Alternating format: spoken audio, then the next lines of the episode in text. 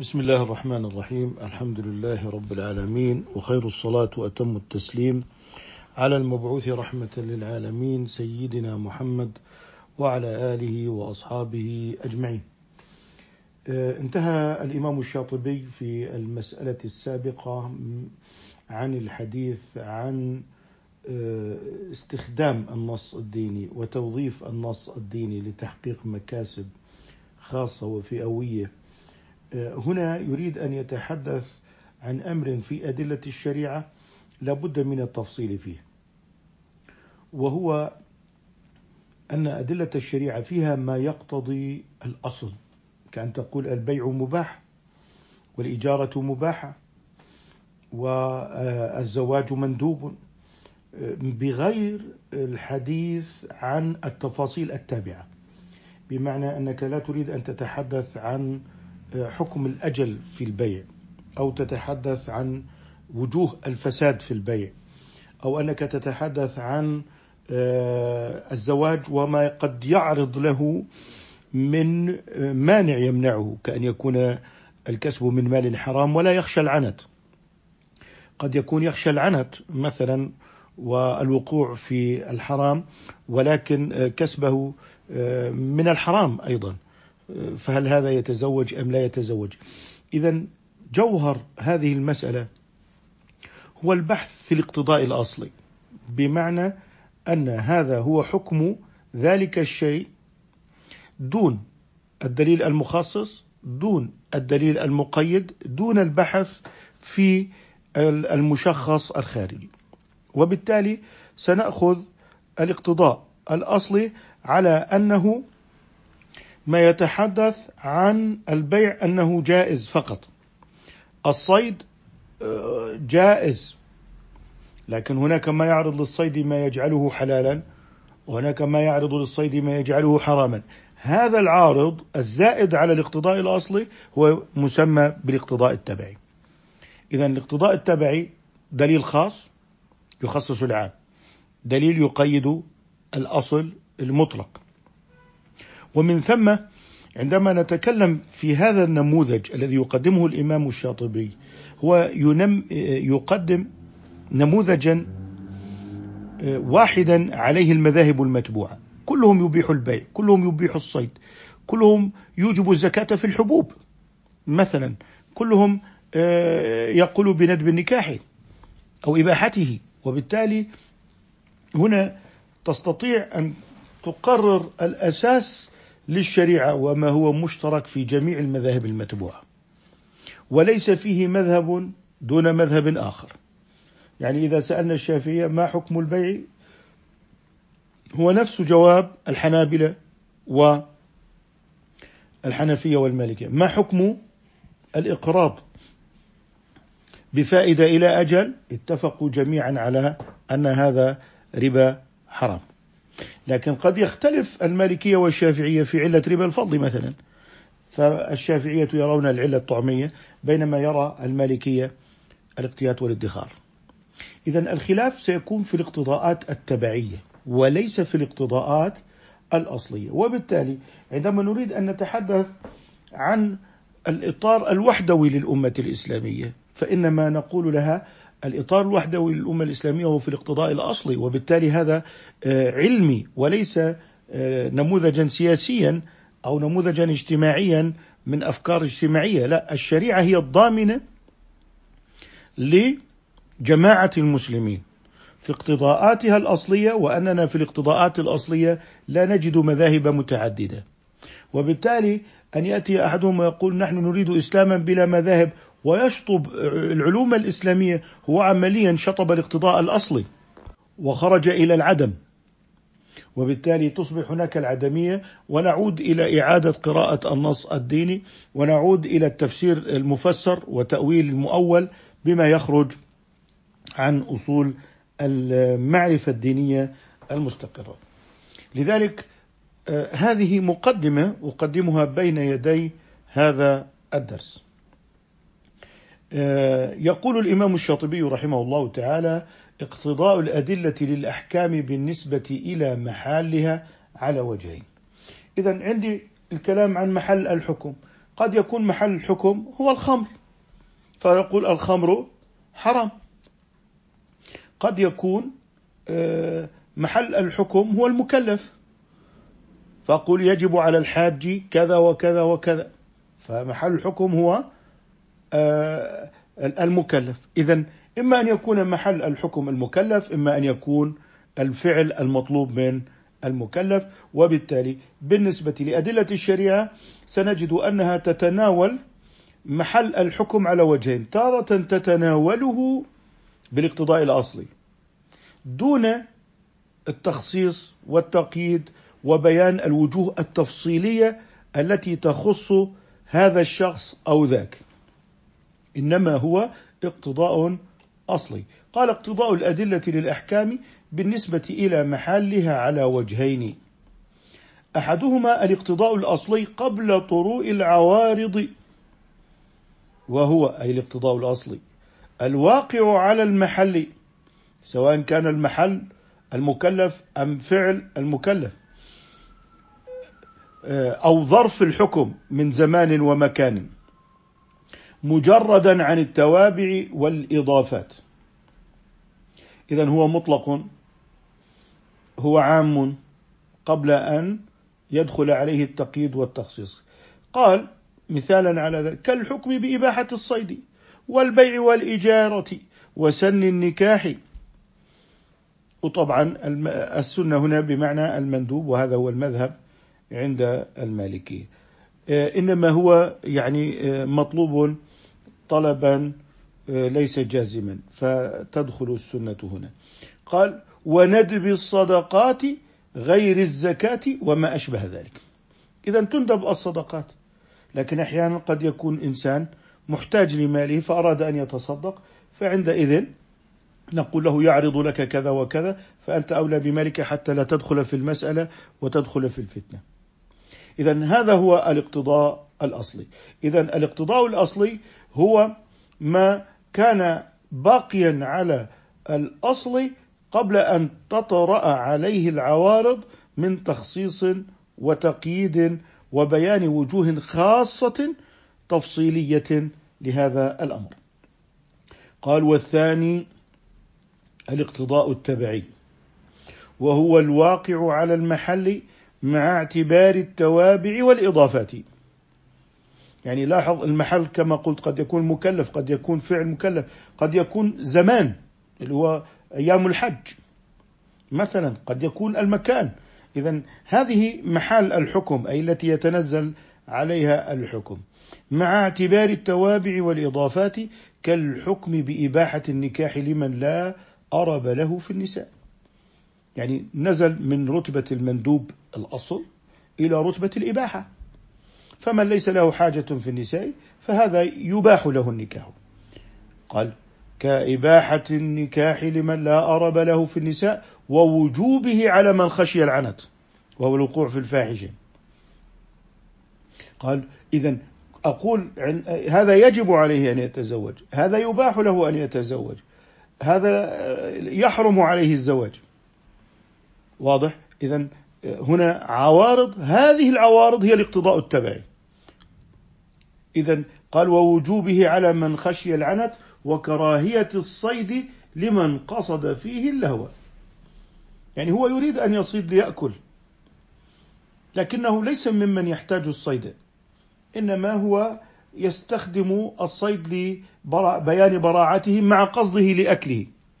أما إذا كان فقط من أجل التدريب على الإصابة دون قصد الأكل فهذا لا يكون صيدا.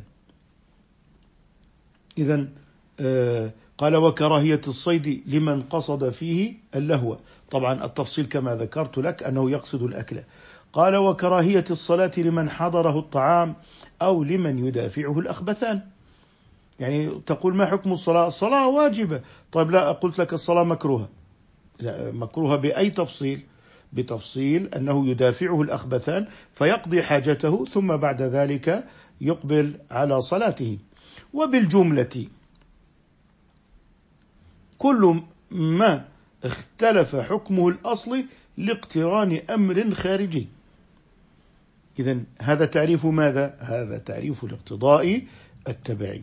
هو كل ما اختلف حكمه الأصلي لاقتران أمر خارجي. فهذا الذي خشي العنت آه، عرض له أمر خارجي فصار الزواج واجبا عليه. ذاك الذي لا أرب له ولا حاجة له في النساء فهذا يباح له الزواج. إذا الأصل في النكاح مندوب لكن تعرض عوارض. الأصل في البيع مباح. لكن إذا كان لحفظ المهجة وحماية حياة الإنسان فعندئذ يصبح واجبا. طيب إذا كان في أمر حرام يصبح حراما. إذا آه هذا الاقتضاء الأصلي آه يعرض له أحكام عارضة آه تسمى بالاقتضاء التبعي كما بينه كل ما اختلف حكمه الأصلي آه، لاقتران أمر خارجي. هنا الخارجي يفهم بعدة مستويات. هما مستويان. يعني عندما أقول البيع مباح. ما هو البيع؟ البيع هو المعاوضة على الذوات البيع هو المعاوضة على الذوات سيارة بيت قطعة أرض جهاز هاتف. هذه ذوات وليست منافع كما هو الحال في الإجارة الإجارة معاوضة على المنافع. لأن لو سألت ما حكم البيع؟ مباحا بناء على أنه مجرد عن العوارض الخارجية. لكن هناك ما هو خارج عن ماهية البيع. كأن تتكلم في مثلا بيع آه، السلم مع تأجيل آه، رأس المال أكثر من أسبوع بالشرط وهو نقدي مثلا. هذه عوارض موجودة في الذهن. بمعنى أنا أتصور ما هو البيع لكن قد يكون عندي بيع اللي هو الصرف والصرف ينقسم إلى أقسام إلى المراطلة إلى المع... إلى المبادلة. إذا هناك أقسام في الصرف. قد يكون البيع آه، بيع سلم قد يكون هبة ثواب. إذا جوهر البيع اقتضاء أصلي. جوهر البيع اقتضاء أصلي. جوهر العقد الزواج اقتضاء أصلي. جوهر الصيد اقتضاء أصلي. الآن سأذهب إلى مستوى أبعد. أنا أتصور الآن آه، الصرف. أتصور بيع السلم. أتصور هبة الثواب. الآن هذه الأشياء عرضت للبيع بالإباحة. أتصور بيع المبيع قبل قبضه. مثلا بيع الطعام بالطعام إلى أجل. إذا ألقي على البيع هنا تبعات وإضافات. جعلت منه ما هو جائز وجعلت منه ما هو ممنوع. جعلت منه ما هو جائز وجعلت منه ما هو ممنوع. آه، إذا هذا مستوى أيضا موجود في الذهن. أمر خارج عن ماهية البيع. أوصاف زائدة. وأريد أن أمثل بهذا المثال على ما هو خارجي. وما هو ذاتي. أقول المعاوضة على الذوات صفة ذات أو هو أمر ذاتي. لا يمكن أن يتصور البيع إلا إذا تصورنا المعاوضة على الذوات. لكن لو قلت آه، مثلا بيع العقار لا العقار زائد على تصور الماهية طيب آه، بيع الطعام قبل قبضه هذا زائد على ماهية البيع. إذا أنا متصور أن هناك هبة ثواب أنا متصور الآن في الذهن. لم أبحث بعد في الواقع خارج الذهن اللي هو المشخص في الواقع اللي خارج الذهن. إذا صار عندي البحث خارج المقتضى الأصلي على مستويين.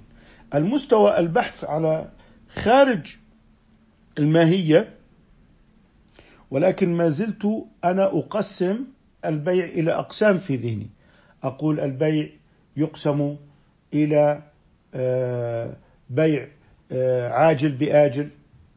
مثلا يقسم إلى بيع الصرف والصرف فيه أقسام. أنا ما زلت في الذهن لكن كونه صرفا كونه هبة ثواب هاي صفات زائدة على الذهن. مثل ما أنا أتصور الإنسان الإنسان ما ذاتيته؟ أنه حي ناطق. طيب أن يكون عربيا أن يكون آه، آه، تركيا فارسيا. هكذا هذه أشياء زائدة على الماهية. الآن يتكلم اختلف حكمه الأصلي لاقتران أمر خارجي. الآن هو يتكلم عن خارج الاقتضاء الأصلي. لكن الاقتضاء خارج الاقتضاء الأصلي سيكون هناك تصورات بالأذهان أيضا كتقسيمات البيوع. وما يحل ويحرم وهو ما هو موجود في الفقه فيكون هذا أيضا اقتضاء تبعي. اقتضاء تبعي. طيب ولو أنني أردت أن أدرس واقعة موجودة بالفعل أمامي أيضا هذا اقتضاء تبعي. لكن هناك اقتضاء تبعي ما زال البحث فيه بالأحوال الذهنية وهناك اقتضاء تبعي البحث فيه في مستوى الأشياء خارج الذهن. إذا داخل الذهن سأجد المقتضى الأصلي وأيضا بالذهن سأجد المقتضى التبعي. لكن المقتضى التبعي في بحثه أنا أتكلم في أشياء زائدة على إباحة المقتضى الأصلي. يعني لما تكلمت هذا الرجل لا أرى أتكلم بالفقه من كان ليس له حاجة للنساء فهذا يباح له من كان محتاجا فهذا يجب عليه. أنا بتكلم في الذهن. لم أسأل بعد عن واقعة في الخارج. هذا أيضا بحث تبعي. إذا البحث التبعي قد يكون في الذهن زائدا على الاقتضاء الأصلي. وقد يكون في تعيين الحكم في واقعة في الأعيان في الخارج. لكن الاقتضاء الأصلي لا يمكن أن يكون إلا في الذهن. ما هو في الخارج؟ هو ملتبس. أصل البيع مع مشخصات خارجية. هذا بيع بناية هذا بيع سيارة هذا بيع هاتف. هذه مشخصات خارجية. مثل ما أنا لا أجد في الخارج ماهية الإنسان. أنا أجد إنسان عربي أجد إنسان طويل أجد إنسان أبيض أجد امرأة أجد طفل. هذا كله إنسان. لكن لا تجد الحيوانية والناطقية مجردة بل هي ملابسة لما آه، هو زائد على الماهية وهو المشخصات الخارجية. إذا الاقتضاء الأصلي آه، واضح أنه قبل أن تعرض له العوارض من مخصصات ومقيدات آه، والاقتضاء التبعي سيقسم إلى ما هو زائد على الأصل ويبحث في الأذهان وهنا ما قصد به لاقتران أمر خارجي سواء كان الخارجي متعلقا بالذهن كالتخصيص كالتقييد أو كان متعلقا بخارجي خارج الذهن وهو المشخص في الواقع في الأعيان. هذا بيع سيارة رقمها كذا بيع عمارة في حوض كذا آه، ورقم القطعة كذا. إذا وضح لنا ماذا يقصد بالاقتضاء الأصلي ووضح لنا ماذا يقصد بالاقتضاء التبعي قال فإذا تبين المعنى المراد فهل يصح الاقتصار في الاستدلال على الدليل المقتضي للحكم الأصلي؟ أم لابد من اعتبار التوابع والإضافات حتى يقيد دليل الإطلاق؟ بالأدلة المقتضية لاعتبارها أي لاعتبار التوابع والإضافات هذا مما فيه نظر وتفصيل. يعني أنا سألت سؤالا قلت يا أخي أنا بعت سيارة قال لي الشيخ البيع جائز. الآن سنبحث في هذا السؤال وهذا الجواب. قلت له آه، اشتريت آه، بناية. قال لي البيع جائز. سيفترض أنها هذه المسألة قد حصلت وأنه يريد أن يبحث في آه، هذه المنهجية في الإجابة. يعني ما حكم الجهاد في فلسطين فرض مثلا. إذا احتل شبر من أرض المسلمين فالجهاد فرض. كواقعة موجودة. الآن يقول بالنسبة لهذه المنهجية في الإجابة تحتاج منا إلى تفصيل. قال فلا, يأخ فلا يخلو أن يأخذ المستدل الذي جاء بالدليل. فلا يخلو أن يأخذ المستدل الدليل على الحكم مفردا مجردا عن اعتبار الواقع أو لا. إذا صار عندنا هل أنت تتكلم في المطلق الجهاد فرض أم تتكلم في حالة واقعة معينة؟ إذا يقول لك الإمام الشاطبي إذا سئلت ما أنا اشتريت عمارة فتقول هذا جائز. إذا قلت ما حكم الجهاد في فلسطين إذا إذا احتل شبر من أرض المسلمين فالجهاد فرض عين. الآن يريد أن يبين الشاطبي هل هذا الجواب معروض لسؤال عن واقع موجود أم هو سؤال بحسب آه، معرفة حكم الجهاد بالأصل؟ إذا انظر إلى العبارة. قال فلا يخلو أن يأخذ المستدل الدليل على الحكم مفردا مجردا عن اعتبار الواقع أو لا فإن أخذه مجردا صح الاستدلال. قلت لك ما حكم الجهاد؟ قلت لي الجهاد فرض طيب إذا إذا كان السؤال مجردا عن الاقتضاءات التبعية فأنت أجبت على وفق المقتضى الأصلي وعليه يكون صحيحا. طيب قال وإن أخذه بقيد الوقوع فلا يصح. يعني إذا أنت أردت أن تفتي في الواقعة التي هي الآن في فلسطين واستدللت بالأصول فهذا الاستدلال لا يصح. فأن تستدل بالاقتضاءات الأصلية على الوقائع فهذا غير صحيح. قال وبيان ذلك أن الدليل المأخوذ بقيد الوقوع معناه التنزيل على المناط المعين وتعيين المناط موجب في كثير من النوازل إلى ضمائم وتقييدات لا يشعر بها المكلف عند عدم التعيين. يعني أنا عندما سألتك عن الجهاد قلت لي فرض. هذا اقتضاء أصلي لكنني أنا أتكلم الآن في واقعة معينة ماذا أفعل الآن؟ بوصفي مكلفا عارضت عوارض. ربما لا أصل إلى موقع الجهاد إلا بقتل مسلم.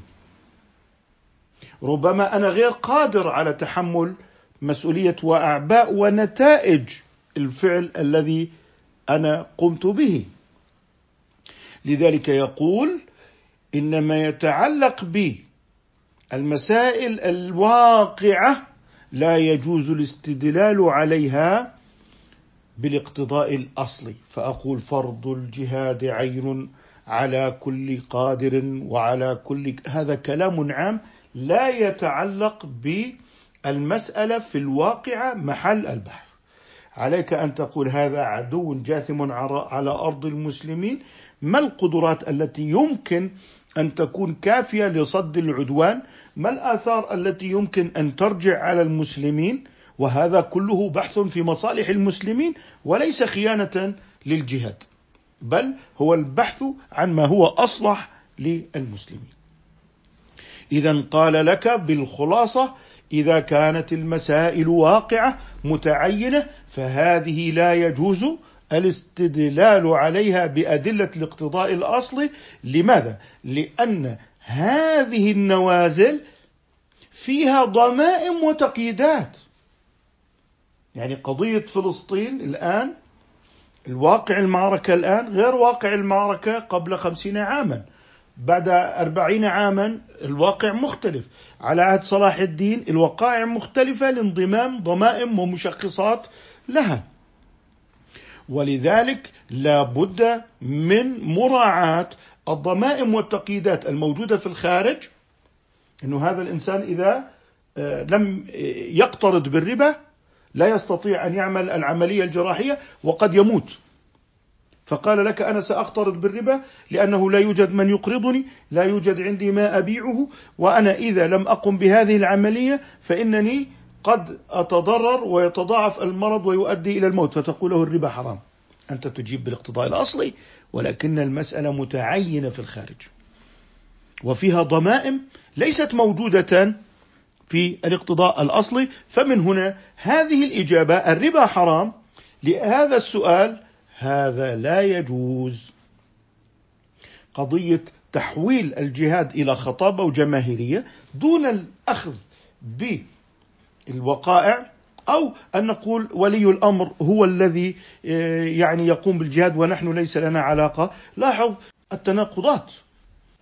من يذهب إلى آه، مثلا طاعة ولي الأمر مطلقا ورجعنا إلى وجوب الجهاد مطلقا ولو دون إذن ولي الأمر إلى أين سننتهي؟ سننتهي إلى فتنة داخلية يأمن العدو آه، أمانا مطلقا بسبب الصراع. لأن هذا يأخذ الأمر بالمعروف والنهي عن المنكر وهو واجب دون دون آه، الضمائم في الواقع. فقد يكون إنكار المنكر يؤدي إلى مفسدة أشد. فإن أدى إلى مفسدة أشد لم يجب ولا يجوز. طيب ما وظيفة الأمر بالمعروف والنهي عن المنكر؟ تغيير المنكرات وليس الصراع على المصالح وليس توظيف هذا كما ذكرنا في المسألة السابقة. وبالتالي عندما نتكلم في الأمر بالمعروف والنهي عن المنكر ممكن أحدهم يقول أنا هذه خمارة وأحرقها. هذا هو إنكار المنكر. ممكن أحدهم يقول أنا سأسعى بكل الطرق لإزالة ومنع ترخيص الخمارات عن طريق الضغط بكل وسائل الضغط الممكنة التي لا تؤدي إلى مفاسد في الدماء والأموال. هذا ينكر المنكر بضمائم لأنه أخذ أنه لا يجوز أن تثار الفتنة الداخلية والفتنة المسلحة ونتحول إلى فتنة مسلحة بسبب وجود الخمارة. وبالتالي وقعنا في الدماء وإحراق الأموال وإتلاف النفوس المعصومة بسبب وجود خمارة.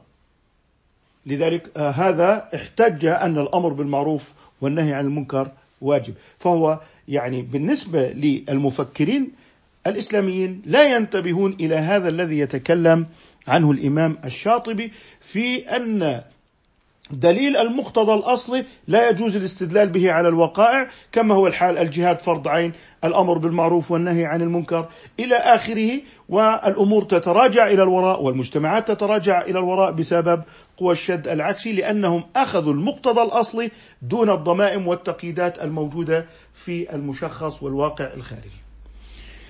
اذا الإمام الشاطبي يقول لنا بطلان عمل المفكر الذي يستدل ب المقتضيات الأصلية وينزلها على الوقائع الشخصية.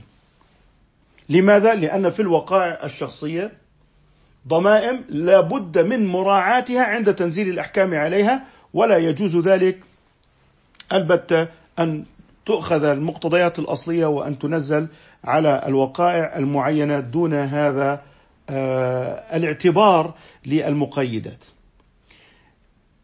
هذا هو كلام الإمام الشاطبي ولعله هنا يميز بين طريقة المفكر وطريقة الفقيه.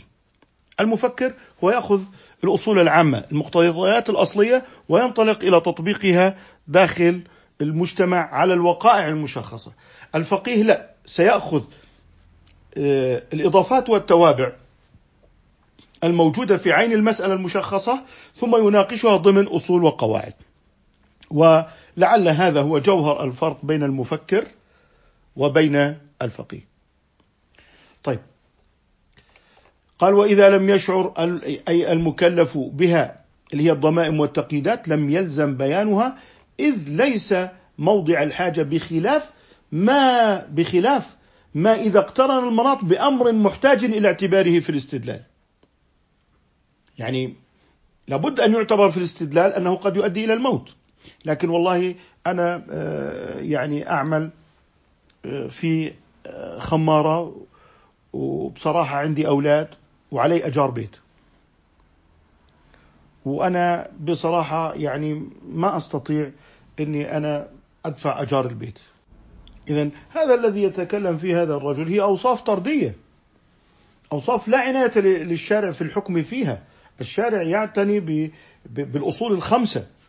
الضرورات الخمسة في مدى في مدى تأثرها في التكميل أو في الضروري.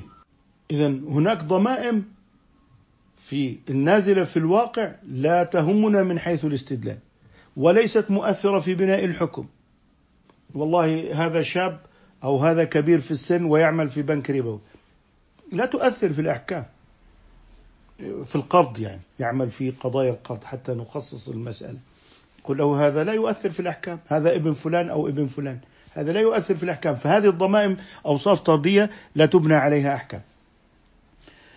إذا آه، قال لك إن هناك ضمائم إذا يعني آه، انضمت إلى الواقعة ليست آه، مفيدة في اعتبار الاستدلال وهناك من الضمائم ما هو مفيد كما ذكرت في المريض الذي احتاج إلى قرض ولم يجد من يعينه وبالتالي اقترض من الربا.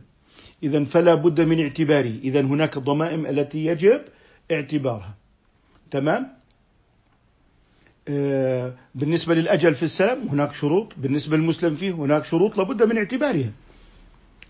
فلذلك يجب آه، الاهتمام بما هو, آه، بما هو مؤثر في بناء الحكم وليس في الأوصاف. الطردية. والله إحنا عائلة متحابة ونريد أن نبيع يعني سيارة عن طريق البنك. أبيعها لولدي وأنا آخذ الأموال وليس خلاف بيني وبين آه، ابني ومالنا واحد. نقول له هذه أوصاف لا تؤثر في الأحكام. هذه أوصاف طردية غير مؤثرة في الأحكام. ولذلك ينبغي الانتباه لذلك. قال ممثلا على ما هو من الاقتضاء الأصلي وما هو من الاقتضاء التبعي. قال فقول الله تعالى لا يستوي القاعدون من المؤمنين. لما نزلت اولا كانت مقررة لحكم الاصلي لحكم أصلي منزل على مناط أصلي من القدرة وإمكان الامتثال وهو السابق. فلم ينزل حكم أولي الضرر. ولما تنبه ذو الضرر ظن أن عموم نفي الاستواء. يستوي فيه ذو الضرر وغيره فخاف من ذلك وسأل الرخصة. إذا يقول لك نزل عدم المساواة بين القاعد سواء كان من أولي الضرر أم من غير أولي الضرر. مع أولئك الذين يجاهدون. هذا هو الحكم الأصلي. القاعد لا يستوي مع آه، المجاهد. طيب القاعد يشمل قاعد أعرج وأعمى وقاعد اختيارا مع مع القدرة. إذا اشتملهما. هذا هو الاقتضاء الأصلي.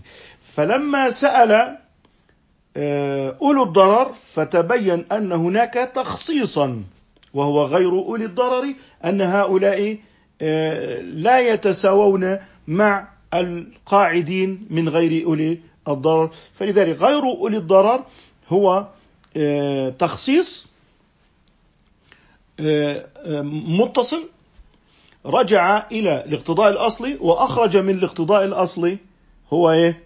غير أولي الضرر فصار عندي تخصيص. ولما قال عليه الصلاة والسلام من نقش الحساب عذب. يعني هو الآن يبين ما هو الاقتضاء الأصلي وما هو الاقتضاء التبعي. الاقتضاء الأصلي القاعد والمجاهد لا يستويان.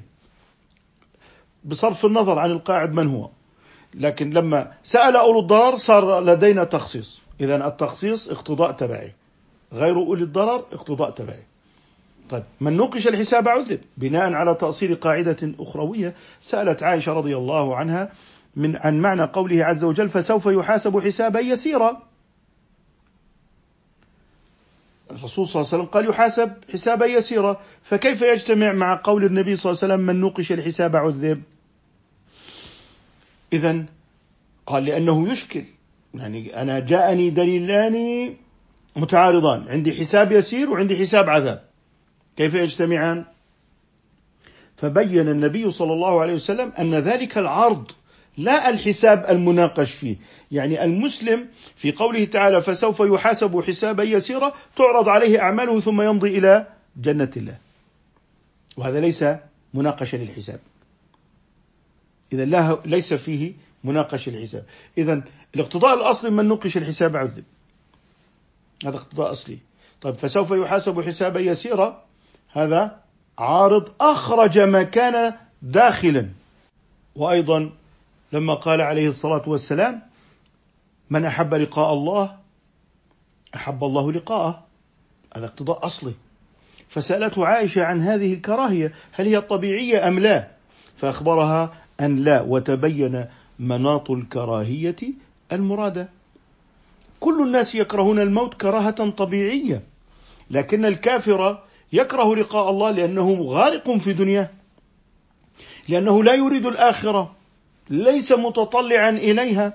فهذا هو الذي إذا آه، عند الاحتضار آه، رأى عذابه فإنه يكره لقاء الله.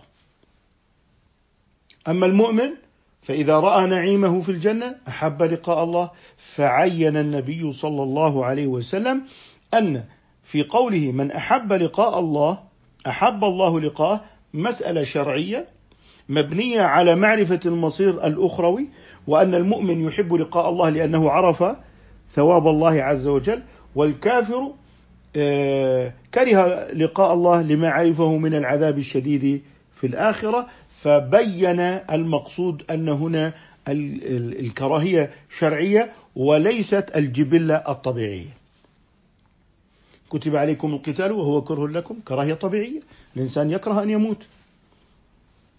وإن فريقا من المؤمنين لكارهون. كما أخرجك ربك من بيتك بالحق وإن فريقا من المؤمنين لكارهون. ليسوا كارهين للخروج معك لأنك رسول الله ولأنك خرجت للعدل. لا هم كارهون لأن الإنسان يحب بجبلته وطبيعته الدنيا. فهنا الأمر طبيعي كما تكره الزوجة أن يتزوج زوجها زوجة أخرى.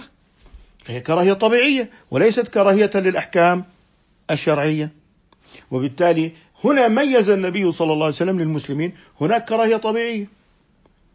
بمعنى هل تريد ممن يجلد في الخمر أن يحب الجلد؟ هل تريد ممن يقاصص بالسيف وهو حكم شرعي؟ تريد منه أن يحب قطع رقبته؟ أم أنه يكره ذلك؟ إذا هذه الكراهية الطبيعية. هذه الكراهية الطبيعية. فميز النبي صلى الله عليه وسلم أنه فيما يتعلق بالحساب اليسير وميز بمحبة المؤمن للقاء الله هذه اقتضاءات أصلية متعلقة بمحبة الله سبحانه وتعالى وأن المستثنى أو العارض أو الاقتضاء التبعي أخرج الكراهية الطبيعية من الباب وأن هذا النص ليس في الكراهية الطبيعية وإن كان الحب قد يكون طبيعيا وقد يكون شرعيا. فخصص النص بأنه في الحب الشرعي الذي هو رؤية الثواب وأخرج الكراهية الطبيعية وهي كراهية الإنسان الموت بطبيعته. طيب وقال الله تعالى وقوموا لله قانتين تنزيلا على المناط المعتاد. فلما عرض مناط آخر خارج عن المعتاد وهو المرض تقول آه، الصلاة من أركانها القيام هذا اقتضاء أصلي. طيب واحد قال لا كلامك غير صحيح لأن المريض يجوز أن يجلس. نقول له نحن نتكلم في الاقتضاء الأصلي لسنا نتكلم في حالة المريض. رجعنا إلى الكلام في موضوع الاستدلال. متى نستدل بالاقتضاء الأصلي؟ الصلاة القيام ركن السجود ركن لكن قد يعجز عنه المريض صاحب المرض في الظهر. إذا علينا أن نفرق عندما نتحدث هل هذا الشخص متكلم في واقعة خارجية أم متكلم في الاقتضاء الأصلي؟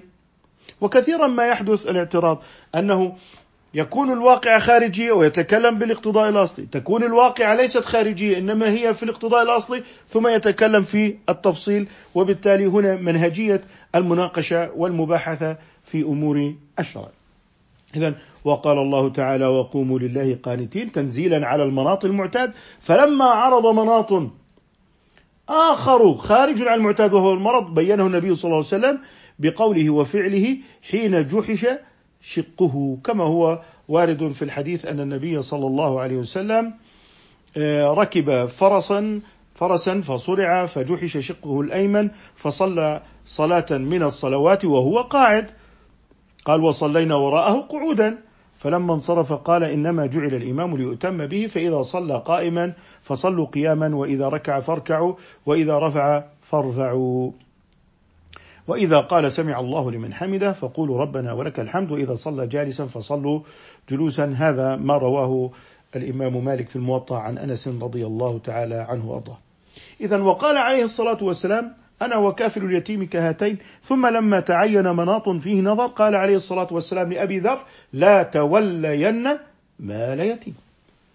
إذا يقول لأبي ذر لا تتولى. طب الرسول يبلغ, يبلغ آه، بفضل كافل اليتيم لا هذا الشخص عرض له مناط آخر. إذا إذا ما حكم كفالة اليتيم من أعمال البر الصالحة؟ طيب الرسول صلى الله عليه وسلم قال لأبي ذر لا تفعل نهاه. هل هذا يعارض؟ لا هذا اقتضاء تبعي وهذا اقتضاء أصلي. والخاص والعام لا يتعارضان تعارض النقيضين الموجب للترجيح بل بينهما نوع تعارض فهذا في حال وهذا في حال آخر وليس من باب التعارض الموجب للترجيح. لماذا؟ لأن آه، الأمر مختلف باختلاف الأشخاص لا باختلاف الاقتضاء الأصلي. اذا ما اختلف باختلاف الاقتضاء التبعي ليس مسقطا لما كان في الاقتضاء الأصلي. قال والأمثلة في هذا المعنى لا تحصى. أي معنى؟ التمييز بين الاقتضاء التبعي والأصلي واستقراؤها من الشريعة يفيد العلم بصحة هذا التفصيل أي التفصيل بين الاقتضاء الأصلي والتبعي فلو فرض نزول حكم عام. ثم أتى كل من سمعه يتثبت في مقتضى ذلك العام. بالنسبة إليه لكان الجواب على وفق هذه القاعدة. نظير وصيته عليه الصلاة والسلام لبعض أصحابه بشيء ووصيته لبعض آخر أو وصية ووصيته لبعض بأمر آخر. كما قال قل ربي ربي الله ثم استقم. جاءه آخر قال له لا تغضب. وجاء بعضهم بجميع ماله فقبله وجاء ومن بعضهم قبل شطره ورد بعضهم من المتصدقين. كل هذا مع أن الأصل هو التحريض على الإنفاق في سبيل الله. إذا الأصل الاقتضاء الأصلي التحريض على الإنفاق لكنه قبل من أبي بكر كل ماله وقبل من عمر نصف ماله وبعضهم رده لحاجته لماله حتى لا يقع في الابتلاء والندم إذا تصدق بماله وهو الوارد في التنزيل على الوقائع المعينة. اذا ميز لنا أن الرسول صلى الله عليه وسلم حرض على الصدقة الآن هذا هو الاقتضاء الأصلي، لكن قبل من هذا ولم يقبل من هذا هذا اقتضاء تبعي ولا وهو يأتي للتطبيق في الخارج شخص الصديق رضي الله عنه شخص عمر رضي الله عنه شخص أبي ذر قال له لا تولين مال يتيم. اذا هذا الفهم لما هو أصول في الشريعة وهذا ليس فيه مذاهب. ما حكم كاف اليتيم في المذهب الشافعي والمالكي والحنفي والحنبلي وكل المسلمين؟ فإذا انتبهنا إلى الاقتضاءات الأصلية اتضح لنا أنها هي القواعد الأساسية التي تبنى عليها المذاهب الفقهية ودعوى أن نريد إسلاما بلا مذاهب هم يجهلون هذه المذاهب ويجهلون الاقتضاءات الأصلية التي هي الجماعة وهي التي تبني الأمة وأن هذه المذاهب تأتي في الاقتضاءات التبعية واختلافاتها في الاقتضاءات التبعية إنما هو من باب آه، التنوع والتعدد الذي يحتاجه المجتمع لكن داخل إطار الاقتضاء الأصلي. اذا الجامع للمجتمع هو الاقتضاء الأصلي. والإقتضاءات التبعية آه، بالخلاف الفقهي المعتبر بين المذاهب المتبوعة تعطي مساحة من الاختيار في آه، الشريعة. وبالتالي نحن لسنا بحاجة إلى التعددية التي لا يوجد فيها اقتضاء أصلي ولسنا بحاجة إلى التضييق بأن يتعصب الجهلاء إلى مذاهبهم فينقضون مذاهب أخرى ويفوتون على المجتمع المسلم ميزات هذا التعدد.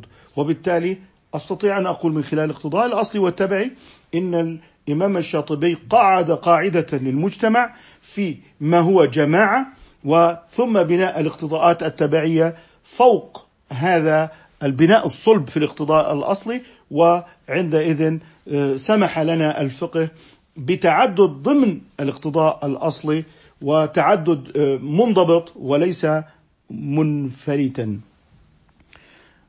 هذا ما هو في تأسيس الفهم للاقتضاء الأصلي والتبعي. نسأل الله عز وجل أن يفهمنا وأن يعلمنا. سبحانك اللهم وبحمدك نشهد أن لا إله إلا أنت نستغفرك ونتوب إليك.